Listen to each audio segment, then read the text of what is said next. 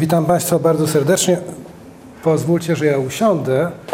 E, Formuła kawiarni nie jest mi całkowicie znana, nie jest mi też całkowicie obca, dlatego że ja miałem kiedyś przyjemność wystąpić, ale jeszcze gdzieś przy krakowskim przedmieściu.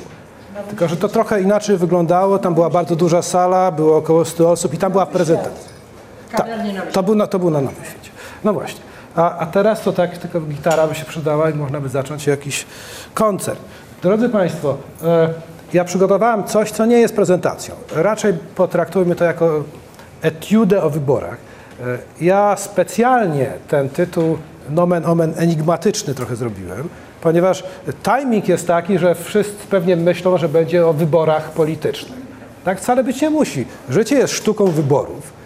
I wiążą się z tym bardzo różne i ciekawe problemy. Ja słuchając wypowiedzi pani profesor Fikus też miałem zgryz, chociaż ja się no, w wyborach specjalizuję. Jak miał wybrać między dietą, pieniędzmi i muzeum, to nie wiem, co bym wybrał.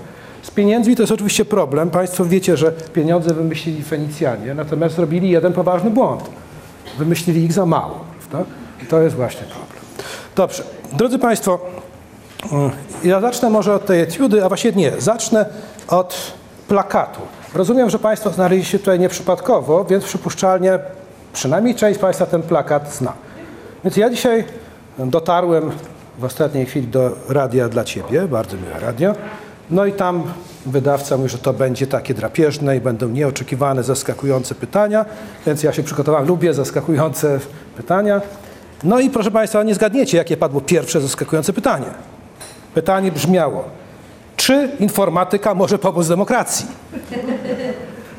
No, no więc to już mnie sprowokowało. Poczułem się sprowokowany e, i mogę Państwu odpowiedzieć dokładnie tymi samymi słowami, albo prawie tymi samymi, co wtedy powiedziałem.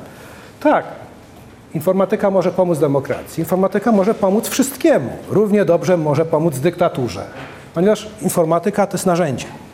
A jak my skorzystamy z narzędzia, to już jest kwestia naszych doświadczeń, naszych wyborów, nomen omen i innych rzeczy. Więc y, ja na część z tych pytań y, będę odpowiadał w trakcie, natomiast n- ponieważ nie wiem jaka jest dokładnie formuła, ale liczę na to, że jeśli Państwo poczujecie się, nie wiem, zniecierpliwieni albo coś umyka, to proszę przerywać, dobrze? Nie ma sensu czekać na zakończenie, które i tak nie wiadomo kiedy nastąpi. Przypuszczalnie będą jakieś tutaj sygnały, machanie rękami, chyba że ja skończę wcześniej.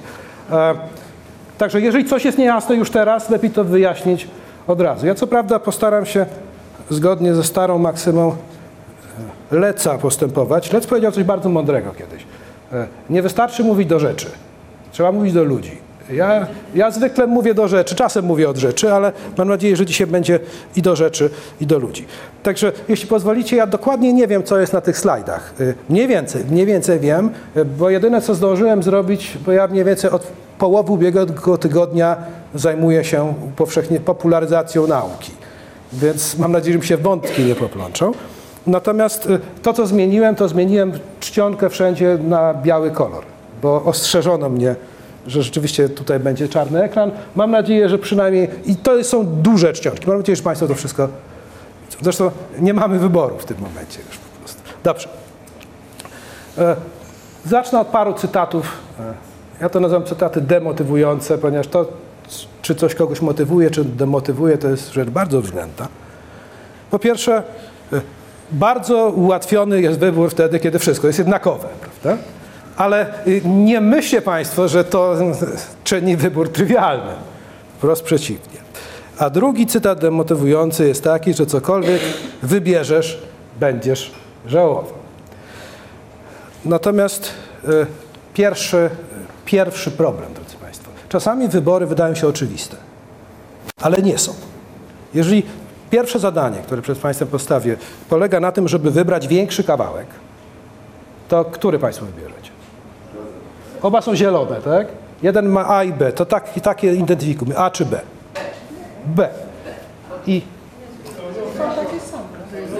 Oczywiście, oczywiście one są takie same, tylko że tego nie widać. Jeżeli pani doktor Teplic twierdzi, że to widzi, to kłamie. E, Bo Nie, Nie, policzyłam sobie szybko tak, e, bo nasz mózg, proszę Państwa, jest bardzo dziwną konstrukcją, bardzo ciekawą konstrukcją i nawet jeżeli wie, że coś jest prawdziwe lub nieprawdziwe, to nie jest w stanie tego zobaczyć.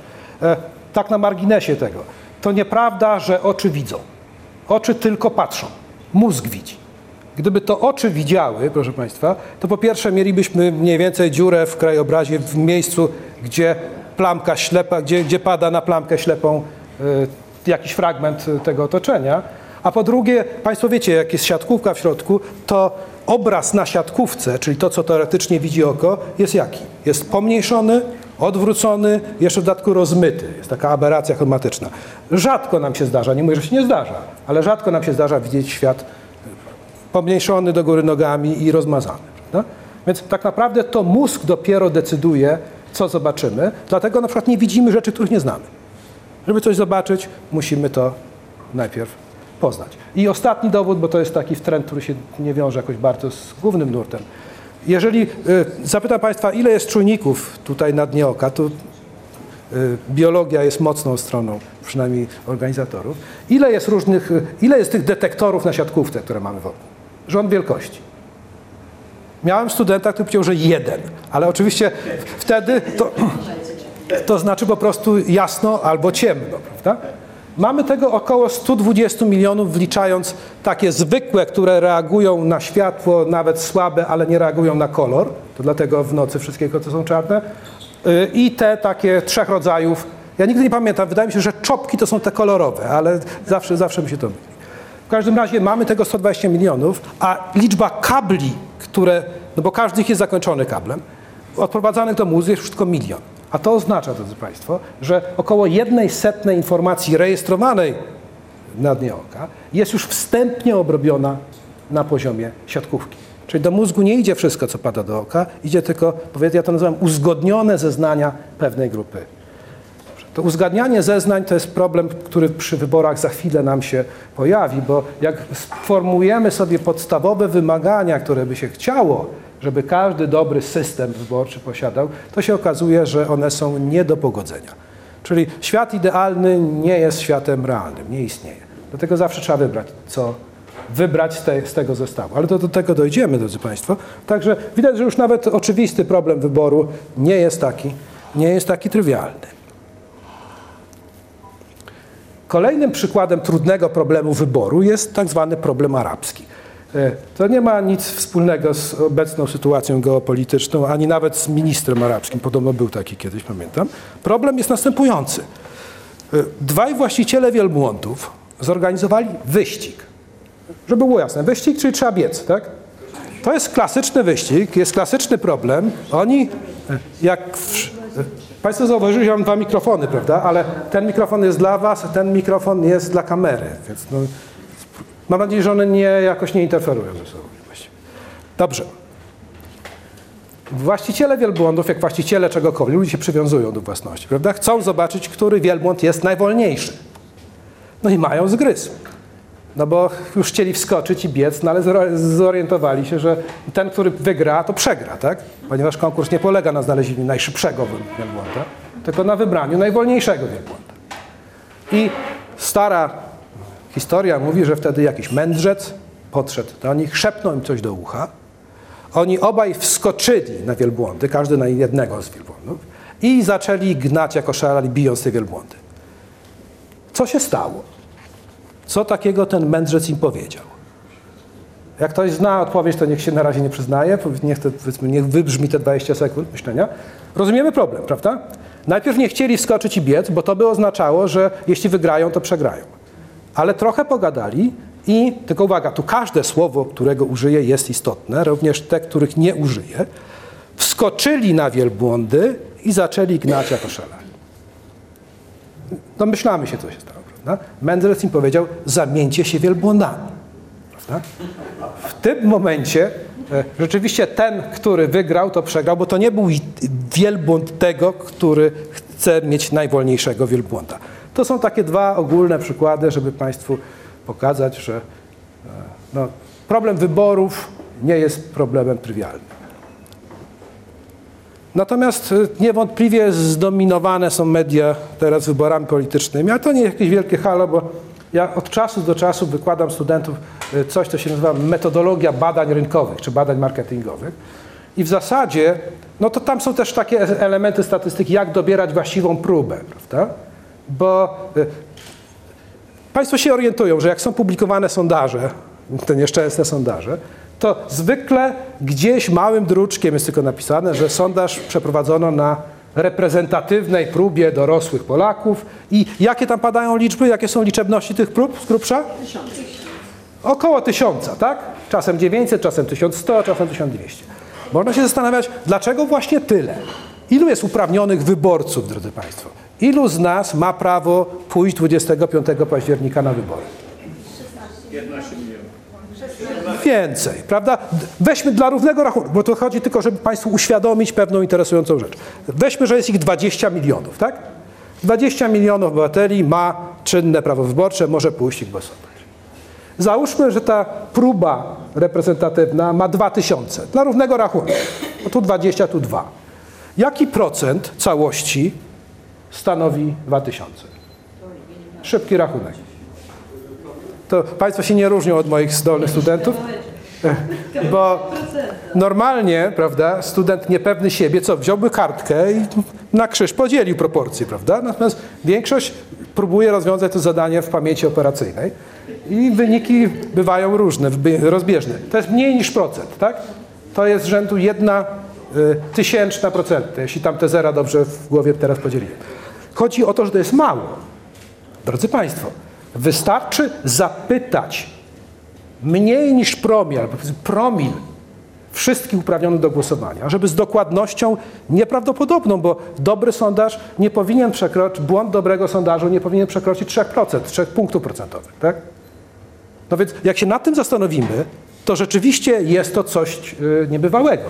Zapytanie jednego promila wszystkich, każdy może zrobić co chce, pozwala tak dokładnie przewidzieć te wyniki. Oczywiście jest to możliwe wyłącznie dlatego, że próba jest, a przynajmniej powinna być, reprezentatywna. Reprezentatywna, czyli jest dobrą miniaturką całości populacji. Jak nie jest, to jest problem. A jeśli nie jest, drodzy Państwo, to zwiększanie liczebności tej próby do niczego dobrego nie doprowadzi. Ja tak sobie szacowałem kiedyś, że u nas na kampusie w SGGW pewnie w piątek wieczorem byłoby około 20 tysięcy ludzi młodych i, i, i nie tak młodych. Czyli 10 razy więcej niż typowa próba reprezentatywna. Jak myślicie, czy gdybym zrobił sondaż przedwyborczy na tej grupie 20 tysięcy, miałby wyniki lepsze czy gorsze? Zdecydowanie gorsze, prawda? Dlatego, że jest to ewidentnie próba, która nie jest próbą reprezentatywną. No dobrze. Z tymi wyborami politycznymi to są oczywiście same problemy. Tutaj miałem kiedyś takie... Dzisiejsze wyniki znajdzie pan piętro niżej. Tak? To jest z tymi sondażami. To, co jest, to, co jest zabawne, drodzy Państwo, to, e, bo tak obserwuję bez jakiegoś zaangażowania politycznego, jak e, kandydaci, którzy dostają jedną setną procenta głosu, mówią, poczekajmy na ostateczny wynik wyborów. Tak? Dobrze, taki optymizm, taki optymizm jest wskazany. No dobrze, proszę Państwa, wybory polityczne to jest e, bardzo taki wyrazisty problem wyborów, przed którymi stoimy. Stoimy wszyscy przed nim. I tutaj dotykamy problemu, który jest zaanonsowany na tym plakacie, prawda? Czy, no bo bez wyborów nie ma demokracji, tak? Czyli wybory są warunkiem koniecznym, aczkolwiek nie wystarczającym demokracji. No i czy informatyka tej demokracji może pomóc? Ale to za wcześnie. Zobaczmy, co jest jeszcze na następnym slajdzie. A, jest jeszcze parę cytatów. Dobra. I teraz już będzie o wyborach politycznych. To są e, głosy cyników i różnych innych typów. Gdyby wybory mogły cokolwiek zmienić, to oczywiście już dawno byłyby zakazane. Prawda? Nie biorę odpowiedzialności za to, co mówię. To, znaczy, to jest taka ulubiona formułka, prawda? To, co mówię, nie odzwierciedla poglądów profesora Orłowskiego w żaden sposób, prawda? I dobrze. Drugi cytat w całkowicie wolnych wyborach każdy oczywiście głosowałby na samego siebie, bo któż jest lepiej przygotowany do rządzenia niż my, prawda? Gdybyśmy my rządzili, byłoby na pewno znacznie lepiej. No i trzeci cytat demotywujący. Nieważne jak wyborcy głosują, ważne kto i jak liczy głosy. I to nie jest żadna złośliwość, drodzy Państwo, ponieważ Państwo macie świadomość, która nawet się pewnie wyostrzyła teraz przy okazji dyskusji na temat tych jednomandatowych ok- okręgów wyborczych. Są bardzo różne systemy wyborcze. I y, czy zrozumieliśmy dokładnie ten cytat ostatni, będzie świadczyła zagadka. Okay? Zadaję Państwu teraz zagadkę. Zagadka brzmi, czy można wygrać wybory uzyskując mniej głosów niż konkurencja? Można, jak najbardziej. Wszystko zależy, jak zbudowany jest system. I na przykład takie sytuacje zdarzają się bardzo często w Stanach Zjednoczonych, na przykład przy okazji wyborów prezydenckich nie tak dawno. Ja pamiętam, bardziej się tym interesowałem, jak Bush z Gorem konkurowali, prawda? W każdym razie, jeżeli system jest systemem elektorskim, czyli tak naprawdę wybory nie są powszechne w naszym rozumieniu, za chwilę powiem, co to dokładnie oznacza. Czyli lud wybiera, ale wybiera swoich przedstawicieli, a ci przedstawiciele dopiero wybierają prezydenta. Jak do tego dodamy zasadę, która w Stanach obowiązuje, czyli winner takes all, zwycięzca bierze wszystko, to oznacza, mówiąc po ludzku, że jeżeli w danym stanie wygrywa dany kandydat y, chodzi o głosy obywateli, to wybrani elektorzy muszą poprzeć y, tego kandydata. Czyli jest bardzo prawdopodobne, wcale nie takie rzadkie, że można wygrać we wszystkich małych stanach, okej, przegrać jednym głosem we wszystkich dużych stanach. No duże stany to jest oczywiście Teksas, Kalifornia i może trochę na wschodnim wybrzeżu. I co? Mam znacznie więcej głosów niż mój kandydat, ale ponieważ Kalifornia, Teksas mają więcej głosów elektorskich i wszyscy elektorzy głosują na tego kandydata, mamy wynik, którego by się można mm, nie spodziewać na początku. Czyli wcale nie jest trudno przegrać wybory, uzyskując więcej głosów, bezpośrednich głosów wyborców. Ale w zależności od tego systemu liczenia głosów, prawda? Tak. Mówię, e, jeżeli mamy dwa, taki pośredni etap, gdzie najpierw wybieramy elektorów, to tak to się zwykle kończy. Ja proszę Państwa sobie tutaj wydrukowałem, e, to jest e, takie sformułowanie, które w zasadzie w polskiej politologii jest powszechnie używane, mianowicie wybory powinny być pięcioprzymiotnikowe. Pewnie Państwo słyszeliście o takim określeniu. Nie? Czyli tak, powinny być tajne. No, tajne, zrozumiała sprawa. Chodzi o to, żebym ja nie mógł zostać pociągnięty do odpowiedzialności. Prawda? Ja głosuję, tylko ja wiem, na kogo zagłosowałem. okej? Jest drugie dno w tej tajności, proszę Państwa, ponieważ o tym, tu, w tych pięciu przymiotnikach y, nie będzie tego, ale ja już Państwa uczulam na to, że równie ważna jest uczciwość wyborów. W tym sensie, że ja nie powinienem mieć żadnego sposobu, żeby udowodnić Pani profesor Fikus, jak zagłosowałem. Okej? Czyli nie tylko nikt nie może zobaczyć, jak zagłosowałem, ale ja nawet gdybym chciał, to nie mam prawa nikogo przekonać, że zagłosowałem w taki, a nie w inny sposób. To jest bardzo ważna rzecz, drodzy Państwo. Ja się z tym nawet spotykam czasem, jak są wybory do różnych gremiów mniej lub bardziej ważnych, jak niektórzy elektorzy robią sobie zdjęcie ze swoim dowodem i kartką do głosowania, gdzie zaznaczyli to właściwe nazwisko. A tak, just in case, prawda? E, Dobrze, ale do, to mamy jeden przymiotnik. Czy muszą być tajne i co do tego tutaj nikt nie żywi żadnych wątpliwości. Prawda? Jakie powinny być jeszcze? Powinny być bezpośrednie, czyli właśnie to, że to wyborca wybiera kandydata, a nie. Czyli wybory prezydenckie w Stanach Zjednoczonych w tym sensie nie są bezpośrednie, są e, pośrednie za pośrednictwem elektorów i powinny być równe. Ale tu znowu mamy subtelność, drodzy Państwo. Bo co to znaczy równe wybory?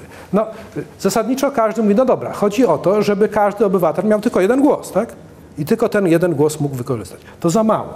Dlatego się odróżnia e, równość formalną od równości materialnej. I znowu, mówiąc po ludzku, wybory są równe w sensie materialnym, jeżeli mój głos waży tyle samo, co Pani głos i tyle samo, co Pana głos. W przypadku wyborów do Senatu naszego, wybory są y, równe? Nie są. Oczywiście, że nie są. Dlatego, że senatorów wybieramy w województwach po dwóch, prawda? Dwie głowy, poza chyba Warszawą i Katowicami, gdzie jest trzech, nie wiem, czy to się nie zmieniło. Ale proszę zwrócić uwagę, to szczególnie wyraźnie widać było, jak mieliśmy jeszcze 49 województw. Nie? Wtedy łatwo było pokazać, że w województwie chełmskim było znacznie mniej osób niż w województwie łódzkim, prawda? A każdy miał prawo wybrać dwóch senatorów. Wobec tego ewidentnie wybory nie były równe, ponieważ głos mieszkańca województwa chełmskiego był silniejszy niż głos silniejszy w bardzo precyzyjnym e, sensie, mianowicie e, miał większy wpływ na to, kto zostanie senatorem. Okay? Ja pamiętam jakiś czas temu, e, Państwo jesteście miłośnikami nauki, to tak pewnie pamiętacie, e, jak były, jak były takie rejtanowskie pozy, Nicea albo śmierć, była kwestia przegłosowania e, prawda, poprawek do tego, do, do tego traktatu, żeby odejść od Nicei. I tam e, wszyscy wypisywali, jak co jest korzystne, co jest niekorzystne. Oczywiście w wersji tej poprzedniej, wersja nie po- poprzednia, przed traktatem tym, była oczywiście dla Polski korzystna, ale była niesprawiedliwa. Natomiast wersja, którą ostatecznie Niemcy przeforsowały, która obowiązuje teraz, jest korzystna dla dużych krajów, ale dalej jest niesprawiedliwa. I tak naprawdę jedynym sprawiedliwym systemem był ten słynny polski pierwiastek. I ludzie się zastanawiają, co to jest z tym pierwiastkiem. I to jest dobry moment może, żeby Państwu wytłumaczyć, e, co to znaczy siła tego głosu. Chodzi o to, że tutaj e, przedstawicieli, e, czy głos danego państwa, mamy Unię państw, tak? Czyli mamy dwadzieścia kilka krajów. Każdy z krajów głosuje. Te kraje nie są e, tak samo liczne, prawda? Mają różne liczby obywateli. No i teraz mamy dylemat. Mamy y, problem, z którego nie ma jednego y, dobrego wyjścia. Jeżeli, to, jeżeli każdy głos obywatela ma mieć ten sam wpływ na głosowanie, powiedzmy, w Unii Europejskiej, no to oczywiście ewidentnie większy wpływ y, mają y, obywatele dużych krajów, prawda? Natomiast jeżeli głos należy do kraju, to automatycznie większy wpływ mają obywatele małych krajów, bo ich jest mniej, mają większy wpływ na wybór swojego przedstawiciela, natomiast on ma taki sam głos jak przedstawiciele innych krajów. Mam nadzieję, że to, że, że to jest jasne. To jest istotny problem, jak z tego wybrnąć. No i się okazuje, że ten nieszczęsny pierwiastek to jest jedyny naukowo uzasadniony system, który równoważy obie, obie te opcje. Oczywiście dalej pozostaje problem, na którym się tutaj nie będziemy skupiać, wyboru y, tego progu prawda, tego progu decyzyjnego, bo tak naprawdę wchodzą w grę inne rzeczy. Wchodzi w grę rzecz zdolność do tworzenia koalicji, czy to koalicji blokujących, czy koalicji przepychających. No ale to jest, to jest inna bajka. Mamy już trzy przymiotniki, czyli tajne, bezpośrednie i równe. No i mamy oczywiście, przepraszam, ale to jest efekt mojego ciągłego mówienia od półtora tygodnia. Y, One są powszechne. Czyli y, żadnych cenzusów wyborczych, każdy ma prawo, jeśli tylko nie jest pozbawiony tych praw w jakiś inny sposób, żeby brać udział. No i wreszcie, jeśli chodzi o Sejm, no to mamy zasadę proporcjonalności. Ona się nie stosuje do Senatu, bo tam jest ordynacja większościowa. Proporcjonalność, czyli partia dostaje liczba mandatów uzyskanych przez partię jest proporcjonalna do liczby głosów na te partie oddanych. Okay? Także y, i to mówi y, taką rzeczę konstytucja. Bo y, ja myślę, że wkrótce dojdziemy, nawet jeśli ja sam tego nie powiem, to Państwo to zapytają, bo po to się tu przyszli, prawda? Czy, bo tu jedno jest takie pytanie, czy wybory przez internet są zgodne z prawem i czy mogą być wiarygodne? Czy są zgodne z prawem. Drodzy Państwo, zasadniczo wszystko, co nie jest sprzeczne z prawem, jest zgodne z prawem, prawda? Taka binarna klasyfikacja powinna obowiązywać. Wobec tego trzeba zobaczyć, co Konstytucja mówi o wyborach. Konstytucja mówi wyraźnie, że wybory do Sejmu są powszechne, równe, bezpośrednie i proporcjonalne oraz odbywają się w głosowaniu tajnych, czyli pięć, są pięcioprzymiotnikowe. Nie jest tu napisane, że nie mogą się odbywać przez internet, tak? albo przez SMS, albo w jakikolwiek inny sposób. Okay? Tego tutaj nie ma, czyli moje rozumienie, ale ja znaczy moje idealistyczne rozumienie czasem właśnie nie, nie, nie, nie przystaje do, do rzeczywistości. Nie ma żadnego powodu, żeby nie można było inaczej tego robić niż się robi teraz, pod warunkiem, że te wymogi konstytucyjne po prostu będą spełnione. No Pytanie, czy internet to umożliwia to spełnienie. No dobrze. Y, Widać, proszę Państwa, oczywiście, że wybory do Senatu nie są pięcioprzemiotnikowe y, i nie są nawet y, wyborami równymi w sensie materialnym. Natomiast są równe w sensie tym formalnym, ponieważ każdy obywatel ma tylko jeden głos. Dobrze. To teraz, proszę Państwa, jak już mamy rozwiązaną zagadkę, to spróbujmy zadać pytanie. Sam nie wiem, co tu jest. O! To jest takie, to jest takie żartobliwe pytanie, proszę Państwa. Ja y, o tej porze zwykle, y, przynajmniej y, audytorium studenckie, bo Państwo jesteście zdeterminowanymi miłośnikami, siedzieli na tych, co już śpią, na tych, co zasypiają dopiero, prawda? Ja, jak w czwartek miałem wykład w Centrum Kopernika o splątaniu kwantowym, to, to uogólniłem, stany bazowe były dwa, czyli śpiący i czuwający, natomiast było dużo superpozycji właśnie w takim stanie superponowanym. No i staraliśmy się ich e, do jednego z tych stanów. Dobrze, proszę Państwa, czy lepiej zająć zaszczytne drugie miejsce, czy lepiej być przedostatnim? Gdybyście mieli wybór, co byście wybrali? które są biorące. Tak, to jest oczywiście, zło, to jest, to jest oczywiście ewidentny dowód na złośliwość mojego charakteru, prawda? Bo odpowiedź, wybór państwa zależy oczywiście od tego, a ilu jest tych zawodników, tak? Bo jeżeli jest dwóch, to oczywiście lepiej być przedostatnim, tak?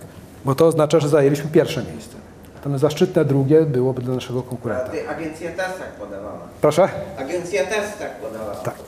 A to właśnie, to, to, bo to, to jest w stylu tych dowcipów o Radiu Erewan i tak dalej. Dobrze.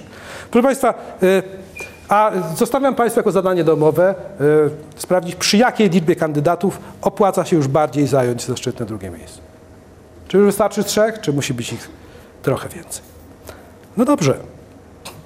E, Zamiast podsumowania tej etiudy, bo teraz przejdziemy i to już będzie bardziej, to już będzie bardziej gadane. E, Ja rozumiem, że y, mając w perspektywie fantastyczną debatę oraz finał koncertu Chopinowskiego, Państwo nie będziecie mieli mi za złe, jeśli ja nie przedłużę mojego wystąpienia, nie będę bisował, tylko powiedzmy zaspokoimy ciekawość swoją i dopijemy kawę i się pożegnamy. Chyba, że to jest niezgodne z regułami. To ja mogę mówić nawet 45 minut, nawet godzinę. Dobrze. Ale sala teoretycznie głosuje nogami, natomiast wszyscy siedzą, więc ja wiem, no dobrze, zobaczymy. Proszę Państwa, zamiast podsumowania, czyli takich parę morałów. No, życie to sztuka wyboru, od tegośmy zaczęli. To jest prawda. Brak wyboru to też wybór. I nad, z tego sobie często nie zdajemy sprawy, ale w zasadzie każdy, kto się zajmuje zarządzaniem na odpowiednio wysokim szczeblu, a nawet na niskim szczeblu, doskonale wie, że brak decyzji też jest decyzją i to często jest najgorszą decyzją, jaką można podjąć. Czasem naprawdę czas, szybkość podejmowania decyzji, czy szybkość, czy sam fakt podjęcia wyboru, nawet jeżeli będzie to wybór chybiony czy błędny, jest ważniejsze niż podjęcie wyboru polegającego na braku wyboru. I ostatnie, e, nie wybiera się czasów, w których przyszło nam żyć. Ale tak y, jak ten cytat przeglądałem, ja oczywiście tu usunąłem część slajdów, bo y, kiedyś miałem taki wykład na temat podróży w czasie. No i wyszło mi, że akurat e, podróżnicy w czasie jak najbardziej wybierają czasy, w którym przyszło im żyć, przynajmniej w czasie podróży. E, Drodzy Państwo, podróże w czasie są fascynujące, nie mają nic wspólnego z wyborami, aczkolwiek teraz ostatnio wyczytałem, że planuje się misję załogową na Marsa, ale nie taką misję, tylko wręcz osadników, prawda? Żeby wysłać tych osadników. Proszę? Bez powrotu. Bez powrotu, tak. E, No i to jest wybór, który, który stoi przed każdym z tych, e, z tych misjonarzy. Natomiast podróże w czasie, jeśli chodzi o podróże w przyszłość, są możliwe, proszę Państwa? Podróże w przyszłość są trywialne, tak? Bo wystarczy poczekać, tak? Możemy sobie siedzieć i podróżujemy w czasie. No, może tempo nas nie zadawalać. Natomiast kontrowersję może budzić problem podróży w czasie w przeszłość. Z tego co wiem, a trochę się na tym znam, prawa fizyki, tak jak je znamy, nie zabraniają takiej możliwości. Aczkolwiek nie bardzo wiadomo, jakby to miało być i w jaki sposób e, pozbyć się pewnych paradoksów z tym związanych. Ale to o tym innym razem. No i na zakończenie, drodzy Państwo, super paradoks wyboru, bo miał być paradoks. Paradoks był taki, to skasowałem ten slajd. Paradoks był taki, że e, takie wybory, gdzie wskazujemy jednego kandydata, bardzo często prowadzą do klinczu, prawda? Bo nawet przy ordynacji e, takiej e, większościowej, tak jak w te jednomandatowe okręgi wyborcze, tu naprawdę nie ma mądrego, dlatego że z jednej strony przemawia do wyobraźni argument dobrze. Ja głosuję na konkretnego człowieka, prawda? głosuję na niego, jego znam, jemu ufam. Natomiast może się zdarzyć, i niestety się zdarza często w takich y, bardziej ugruntowanych systemach, zwłaszcza jak to są systemy dwupartyjne, że jednak y, wygrywa, większość zgarnia ten, który y, jest mocniejszy, prawda? Chodzi o to, że może się zdarzyć, że jeżeli większa liczba kandydatów, to wystarczy, że ja wygram ten jeden, na którego wygra jednym głosem tu, tu, tu i tu, natomiast Natomiast pozostałych dwóch może dostawać dużo w różnych okręgach. Czyli jest możliwa sytuacja, że do parlamentu czy do jakiegokolwiek zgromadzenia de facto wchodzą przedstawiciele partii, która jest w mniejszości. Także nie, nie jest to niestety wykluczone. Ale y, mi się wydaje, że przynajmniej na początek u nas warto by było. Chociaż no w Senacie tak jest, no ale czy to, czy to, czy to coś zmieniło? W zasadzie są bezpartyjnych kandydatów, to raptem na mm, jednym palcu jednej ręki chyba można policzyć. Może dwóch palcach. No ale y, jak nie spróbujemy, to, to, to nie będziemy widzieć. Natomiast y, paradoks, który usunąłem, polega na tym, bo w związku z tym faktem ludzie myśleli nad innymi sposobami udoskonalenia takich procedur wyborczych. Na przykład ustawiajmy ranking, czyli nie głosujmy na jednego, tylko że mamy kandydatów ABC, niech mój głos polega na uporządkowaniu ich w jakiejś kolejności. Tak? Na przykład ABC, a ktoś inny proponuje BCA, ktoś inny CBA, prawda? Bardzo różne można mieć konfiguracje. Znowu, w większości przypadków to działa, ale można wymyślić taki scenariusz, że to się znowu zakorkuje. I e, od razu Państwa pocieszę, że to jest e, tak jak z perpetuum mobile drugiego rodzaju. E, nie ma go. Tak samo nie ma doskonałego systemu wyborczego, który by spełnił wszystkie nasze marzenia. Tak niestety nie jest. Natomiast e, i to jest paradoks wyboru. Natomiast ten super paradoks jest, proszę Państwa, inny. Mnie on śmieszy. ale Zobaczymy, czy Państwa o tej porze rozśmieszy. Pierwsza teza jest taka, że dobre wybory biorą się z doświadczenia. Prawda? Dobre wybory, człowiek dobrze wybiera, jak ma doświadczenia. Ale jak zapytamy, skąd się biorą doświadczenia, to doświadczenie się bierze ze złych wyborów.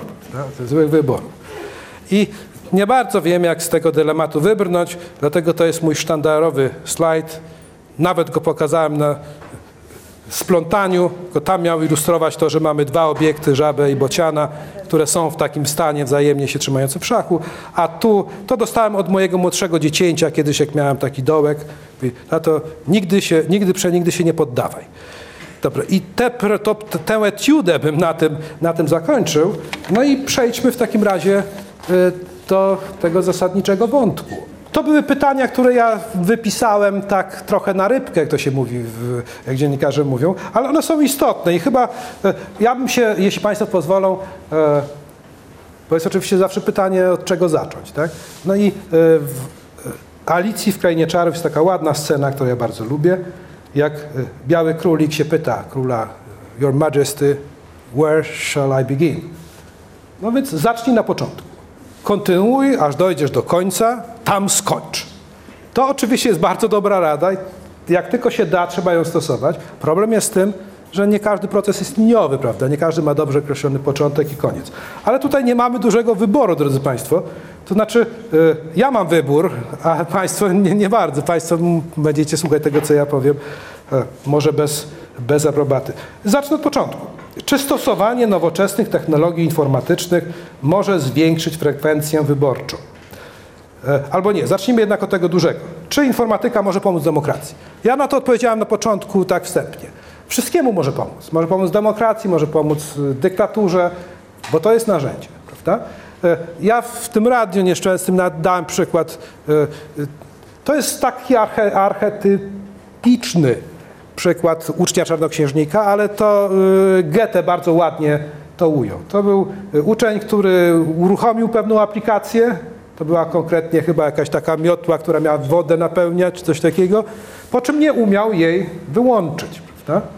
Więc jeżeli y, osoby niewprawne biorą się za jakieś narzędzia, to może z tego wyniknąć ta siekiera raskolnikowa, nie przymierzając, prawda? Ale może wyniknąć z tego sporo dobrego. Czy nowoczesne technologie mogą zwiększyć frekwencję wyborczą? A jak Państwo sądzą? Jak Państwo sądzicie? Więc tak, niewątpliwie e, na przykład młodsze pokolenie. Ja znam i studentów, i młodsze osoby, które po prostu są e, w pewnym sensie zrośnięte z komputerem. Dla nich świat wirtualny to jest świat realny, prawda? Im się może nie chcieć oderwać od najnowszej gry, prawda? I jeśli będzie miał opcję taką, że sobie zagłosuje, to z tego skorzysta. Pytanie, jaki to jest procent faktycznych wyborców? Nie było takich badań. Natomiast y, też powtórzę to, co powiedziałem y, w tej audycji porannej. Aż się dziwię, ile ja powiedziałem w ciągu tych 15 minut tam. Że tak naprawdę, jeśli mówimy o frekwencji, a frekwencja w Polsce jest tragiczna i to się powtarza od wyborów samorządowych po wybory parlamentarne i prezydenckie, jest fatalna. Ona się nie bierze stąd, że ludzie y, nie mają dostępu do nowoczesnych technologii, albo że im się nie wszyscy są obłożnie chorzy, że nie mogą pójść do lokalu. Ludzie w większości, i takie jest moje zdanie prywatne, nie mają zaufania do tego całego systemu. Nie wierzą, że ich głos rzeczywiście może coś zmienić. I jeśli to się nie zmieni, to przypuszczalnie takie nowinki techniczne mogą pewną nadreprezentację, nazwijmy takich dzików komputerowych zwiększyć, ale nie sprawią, że społeczeństwo en masse będzie bardziej aktywne i obywatelskie. Proszę Państwa, y, taka, takie małe pytanie, to jest proste pytanie, wiesz, by nie wie, ale zadam je, bo ono będzie potrzebne za chwilę. Jak sądzicie, jaka jest frekwencja w wyborach australijskich? Specjalnie Australię wziąłem, bo tam ona jest, że tak powiem, to wahadło wychyliło się w zupełnie drugą stronę. Tam jest wysoka, bo jest przymusowo.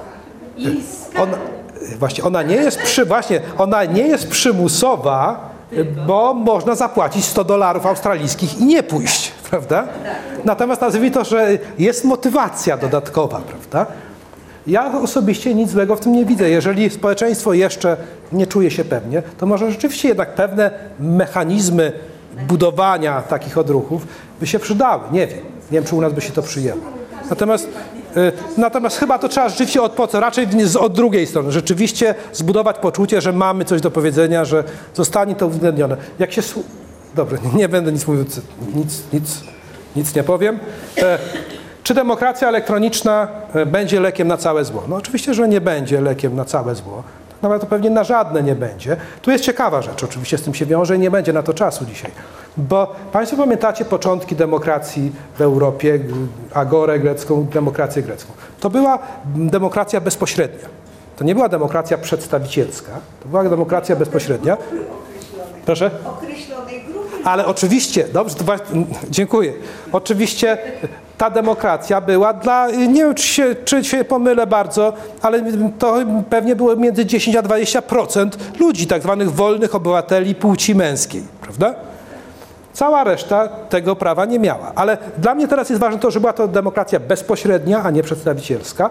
My przywykliśmy do tego, że wybieramy przedstawicieli, którzy za nas decydują, a obecni tu humaniści może pamiętają, że był taki pisarz y, y, Rousseau, tak? Jan Jakub, Jean- Jean-Jacques Jean, Jean-Jacques Rousseau, który y, pięknie pisał, jak to należy się troszczyć o swoje potomstwo. Miał około kilkunastu nieślubnych dzieci, którym się w ogóle nie zajmował. Ale jak gdyby poetom, pisarzom się wybacza, no bo oni nie po to są, prawda, żeby normalnie funkcjonować. No, ale chodzi o to, że on w swoim traktacie, jednym z Napisał wyraźnie, że jest, y, jest przeciwnikiem niewolnictwa, to się zgadzamy, ale za jeden z cięższych grzechów i rzeczy niedopuszczalnych uważał demokrację przedstawicielską. Uważam, że to jest niego, niezgodne z naturą ludzką. To jest rodzaj oddawania, no, e, bardzo, bardzo pejoratywnych i takich nieprzychylnych słów używał na określenie tego. Więc być może powrót do demokracji y, bezpośredniej ma jakieś zalety, aczkolwiek no, to było możliwe w takich Atenach. Znaczy Ateny w szczytowym okresie to nawet były dość gęsto zaludnione. Ja nie, myślę, że nawet i pod 200 tysięcy mogło tam być, no ale powiedzmy obywateli było pewnie ze 20 tysięcy. Więc jeżeli mamy jakieś małe, lokalne społeczności, demokracja bezpośrednia zależy oczywiście od reguł, prawda? Czy pełna jednomyślność, czy jakaś większość, byłaby być może lepsza od demokracji przedstawicielskiej, bo naobiecują, przedstawiciele naobiecują, a potem i tak zrobią, co uznają za stosowne. I niewątpliwie e, technologie komputerowe mogą nam pomóc w zbudowaniu takiej, e, takiej demokracji. E, I to jest, są wszystkie pytania. Jest już godzina 19, więc ja tylko powiem, bo być może ktoś będzie miał niedosyt. Proszę Państwa, jeśli chodzi o y, z punktu widzenia technicznego, Właśnie. tak. czyli zrealizowania tych rzeczy. Y, Jak najbardziej y, jest to możliwe. W szczególności to, czego brakuje w tym standardowym systemie, a co można by stosunkowo łatwo zrobić w wersji y, takiej zinformatyzowanej, to jest coś, czego nie było ani wśród tych pięciu przymiotników. Ja krótko wspomniałem o tym, żeby nie można było udowodnić nikomu, jak się zagłosowało. To jest bardzo ważna rzecz, bo takie kupowanie głosów niestety y, jest nieetyczne, ale co wcale nie znaczy, że jest niestosowane, prawda? A druga rzecz, żeby, i tego nie ma teraz, żebym ja miał pewność, że mój głos został policzony. Okej? Że został policzony i został zaliczony dla właściwego kandydata, a jednocześnie, żebym nie odkrył, na kogo głosowałem. To w takiej e, no, infrastrukturze atomów, a nie bitów jest dosyć trudne, aczkolwiek nie jest całkiem niemożliwe. Ja na przykład nie wiem, dlaczego do tej pory nie wprowadzono szklanej urny. Żaden problem. Jest kwartowane szkło, każdy widzi, co wpada, co, co zostaje. Więc e, to nie jest tak, że pewne rzeczy można zrobić wyłącznie z użyciem komputera, ale na pewno wiele rzeczy łatwiej zrobić z użyciem e, komputera. Natomiast jest pewien problem. Problem na przykład jest taki, to jest moim zdaniem podstawowy problem. E, To jest konflikt między potrzebą tak zwanego silnego uwierzytelnienia i anonimowością oddanego głosu. Silne uwierzytelnienie, mówiąc po ludzku, znaczy tyle, że ja muszę przez internet albo przez telefon przekonać komisję wyborczą, że ja jestem Orłowski, a nie Wielbłąd, prawda? I z tym jest problem. W świecie bitów są rzeczy, łatwo odróżnić kopię od oryginału, no, a tutaj no bit to bit. Wobec tego tu jest problem, bo z jednej strony, tak jak Państwo wypłacacie pieniądze w bankomacie albo robicie przelew. Zanim to zrobicie, podajecie PIN, prawda, albo hasło do komputera i w jakiś sposób, nie będę tego rozwijał, bo nie ma czasu, to jest w ogóle samo w sobie fascynujące, ten komputer czy bankomat wie, że uwierzytelniliście się wystarczająco silnie. Czyli decyduje się wypłacić Wam pieniądze albo dokonać transakcji. Ale z drugiej strony takie silne uwierzytelnienie jest w- sporze takim, bym powiedział, fundamentalnym z tym, że ten system nie może wiedzieć, jaki oddaliście głos. Musi wiedzieć, że to wy, ale nie będzie wiedział, jak głosowaliście. No ale to jest do zrobienia. Są kraje, w których to działa i myślę, że tym optymistycznym akcentem mogę zakończyć swoje wystąpienie. Dziękuję Państwu za.